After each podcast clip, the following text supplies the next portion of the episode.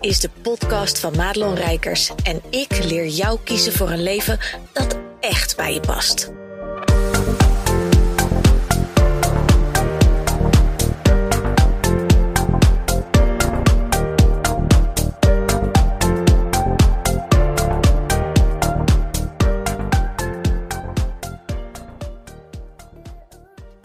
Yo, goed dat je luistert naar deze podcast. En we zijn alweer een eentje in januari. En ik ben benieuwd hoe het met je is. Of januari ook een goede voornemensmaand voor je was. Of is. Ik weet niet hoe ver je daar al in staat. Ik doe er in ieder geval niet aan. Want als ik iets besluit, dan besluit ik het meteen en dan doe ik het ook. Dus ik heb zo'n 1 januari niet nodig om een soort live review te doen. En ehm, januari is van oudsher natuurlijk de maand waar de Blue Monday in zit. Ik geloof dat dat de derde maandag in januari is of zo. Dat dat de meest deprimerende dag voor mensen is van het jaar. Maar hier bij de Rijkertjes gaan we altijd nog heel even verder. Want een week na Oud en Nieuw, op 6 januari, dan is mijn oudste jarig. En uh, ja, dan zit iedereen eigenlijk nog een klein beetje vol van Oud en Nieuw. Dan zijn we nog een beetje aan het uitbuiken van de feestdagen, zo gezegd. Maar ik ben op 22 januari jarig. En meestal tegen die tijd nou, dan, dan ben ik zelf in ieder geval wel weer toe aan een hapje en een drankje. En dan denk je, oh, uh, ben je ook wel eens niet toe aan een hapje en een drankje? Ja, als ik echt te veel paturijn heb gegeten met de feestdagen, dan ben ik er meestal wel heel even klaar mee. Met al dat gevreet en, en gesuip. Maar ik hou wel van eten en drinken, inderdaad. Maar ik word dit jaar 44 en um, ik vind het een vrolijk getal. ik, ik word er in die zin blij van, omdat het, uh, ja, fonetisch klinkt het al beter dan 43. Ik weet niet, heb jij dat ook met getallen? Dat je bepaalde getallen, en er zijn echt vier getallen waarvan ik dacht, oh nee, dat wil ik helemaal niet worden, want het klinkt zo aseksueel. 43, 45, 47 en 49. Dat, dat zijn vier leeftijden waarvan ik denk, oh mijn god, dan droog je toch de plekken gewoon op. Als je zegt, ja, ik ben zo oud. Terwijl 44 heeft gewoon een vrolijke klank. Het is een dubbel getal. Het is een rond even getal. Of tenminste een rond getal. Even getal. Ik hou van even getallen. Vraag me niet waarom. Er zal vast wel een, een reden voor zijn dat ik dat heb. Maar ik weet niet waarom. Maar 44 um, ja, is het level wat ik, uh, wat ik behaal dit jaar. En um, er zijn een aantal dingen die fijn zijn aan 44. En dat is allereerst ook dat je gewoon zelf kan bepalen wat je doet. Niet alleen met je verjaardag, maar gewoon met je leven. Als je 40 plus bent, en dat kan ik inmiddels zeggen, echt plus plus, um, dan heb je een aantal zaken in je leven gewoon op orde. En dat betekent dat je je veel minder druk hoeft te maken om de mening van andere mensen. Je weet een beetje hoe het leven in elkaar steekt. Je maakt je niet meer zo sappel om bepaalde situaties die er op je afkomen of wat er van je verwacht wordt of whatever. Omdat je denkt, ja, ben daar dan net. Ik maak me er allemaal niet meer zo druk om. En wat ik ook belangrijk vind als je 44 bent, is dat het lichaam nog een beetje mee wil uh, met de jeugdige geest. Want ik weet niet hoe het met jou gesteld is, welke leeftijd je hebt. Maar in mijn hoofd voel ik me altijd gewoon iets van 22 of zo. En ja, om daar altijd naar te handelen is niet handig. Maar ik vind wel dat een bepaalde mate van jeugdigheid, van je innerlijke kind een beetje koesteren, dat moet je gewoon doen. Gewoon lol maken. Gewoon ja, dingen doen waar jij blij van wordt. En, en waar andere volwassenen misschien denken: nou ja, heb je haar weer, doe eens even normaal. Ja, en ik hou daar niet van. Ik ben het type, ik vind sminken bijvoorbeeld heel leuk. Niet om te doen, maar om, om mijn gezicht zelf te laten sminken. Ik zou rustig in een rijtje gaan staan om mijn gezicht te laten sminken met een vlinder erop. Of zo. Nou, uh, doen vrouwen van 44 dat gemiddeld niet per se. Maar boeit het? Nee, ook niet. Um, zo kan ik ook nog intens genieten van mijn Nintendo Switch. En mijn Harry Potter uh, fetish. Um, word ik nog steeds blij van patat eten. Um, kan ik nog steeds nou, allemaal kinderdingen doen. En daar super blij van worden. Ja, en er zijn mensen die vinden dat gek.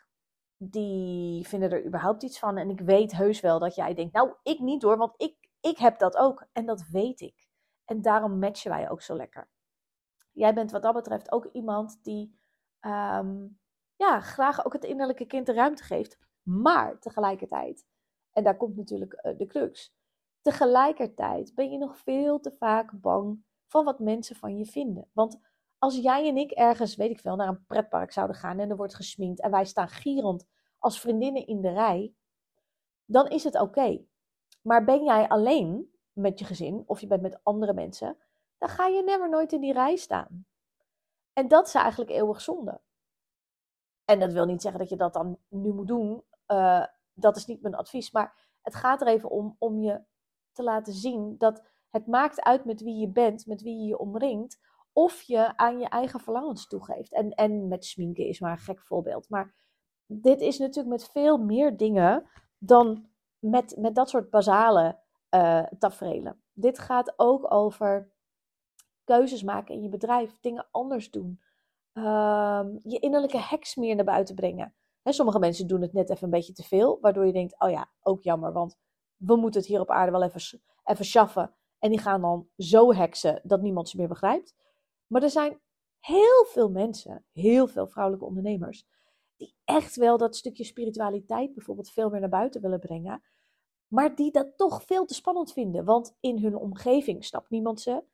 Uh, hun klanten zijn nog niet helemaal gewend aan het feit dat er heel veel dingen intuïtief gebeuren. Terwijl je waarschijnlijk, als jij zo'n onderneemster bent, alles met je klanten intuïtief doet. Alleen je noemt het niet zo. En dus hebben zij daar niet die uh, weerklank bij, zeg maar. Maar ik weet voor een fact dat er gewoon heel veel vrouwen zijn met een bedrijf die graag meer zouden willen doen met dat stuk. Ik ben het natuurlijk ook gaan doen. Legt me geen windeieren, kan ik je vertellen. Um, want juist is dat stukje, en ik heb dat natuurlijk ook veel weg zitten duwen, hè, omdat ik dacht: nee, ik wil niet in de healer kant. Nee, ik wil niet in de uh, aromatherapie kant. Nee, ik wil niet, ik wil niet, ik wil niet. Maar dat kwam alleen maar omdat ik bang was dat mensen naar me zouden kijken en zouden zeggen: Oh ja, natuurlijk gaat ze dat doen. Oh ja, denkt ze ook dat ze kan healen? Nou, wat een kwatsch.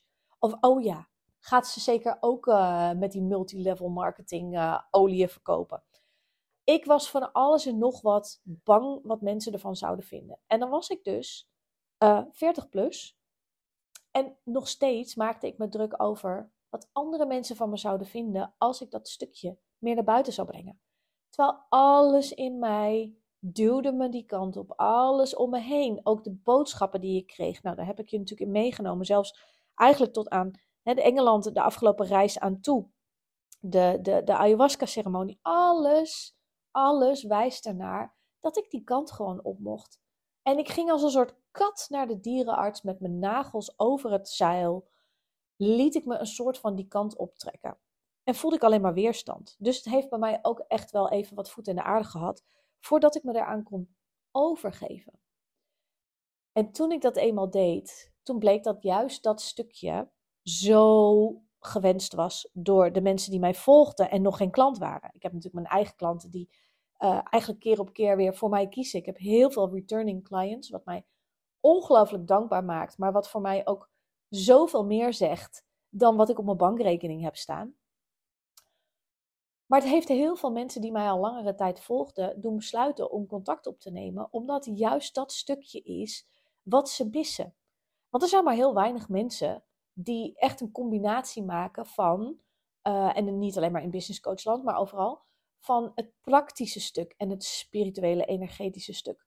Het is altijd een soort, hè, omdat we natuurlijk allemaal een niche moeten kiezen. Uh, je doet dit of je helpt die doelgroep met een heel specifiek specialistisch stuk.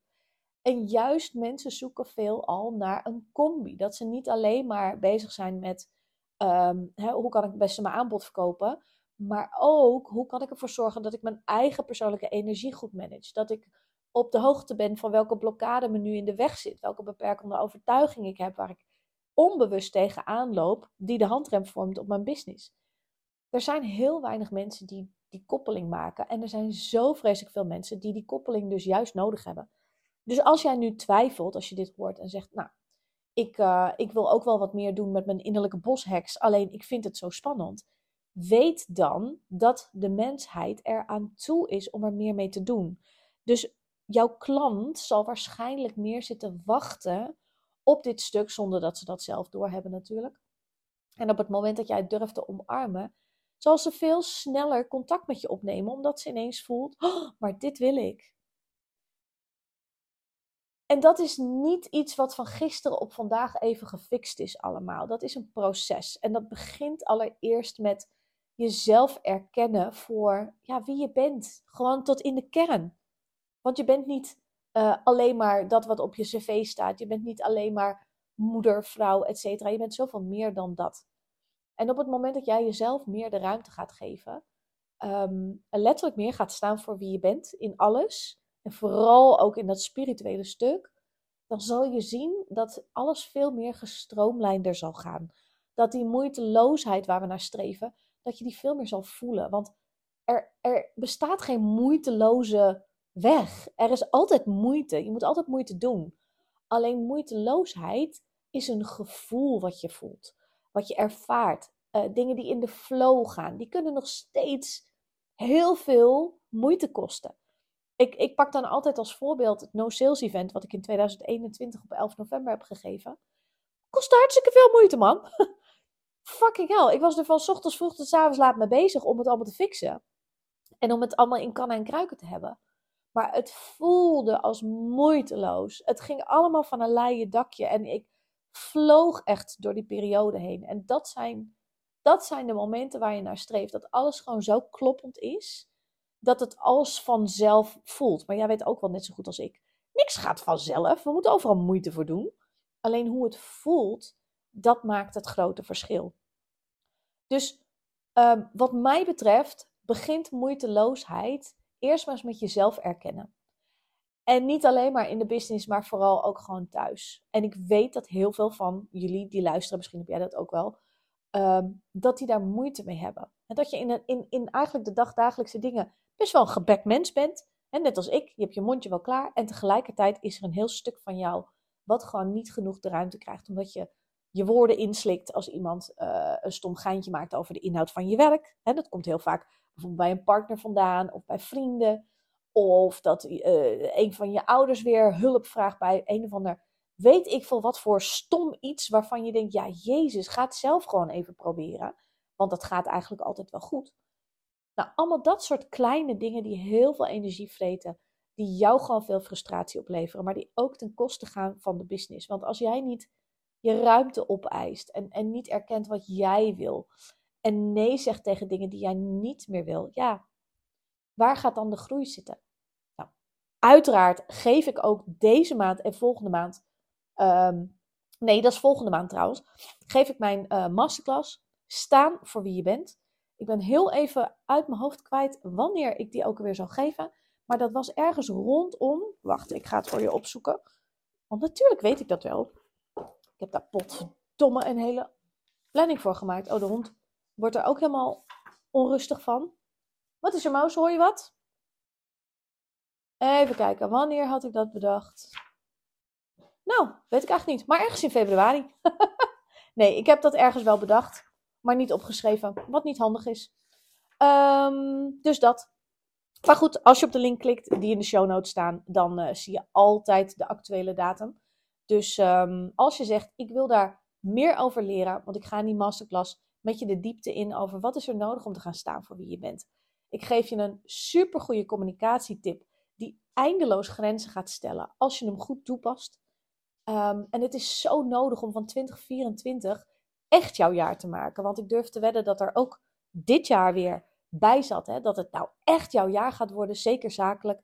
Nou, laten we dat dan gewoon ook eens een keer gaan fixen. Dus voel je welkom om gratis aan te schuiven bij die masterclass. Staan voor wie je bent. En dan wens ik je in ieder geval nog een hele fijne januari maand. Dag! Dat je luisterde naar deze podcast. Wil je meer van mij weten? Check dan snel mijn Instagram of kijk op www.maatloonrijkers.nl.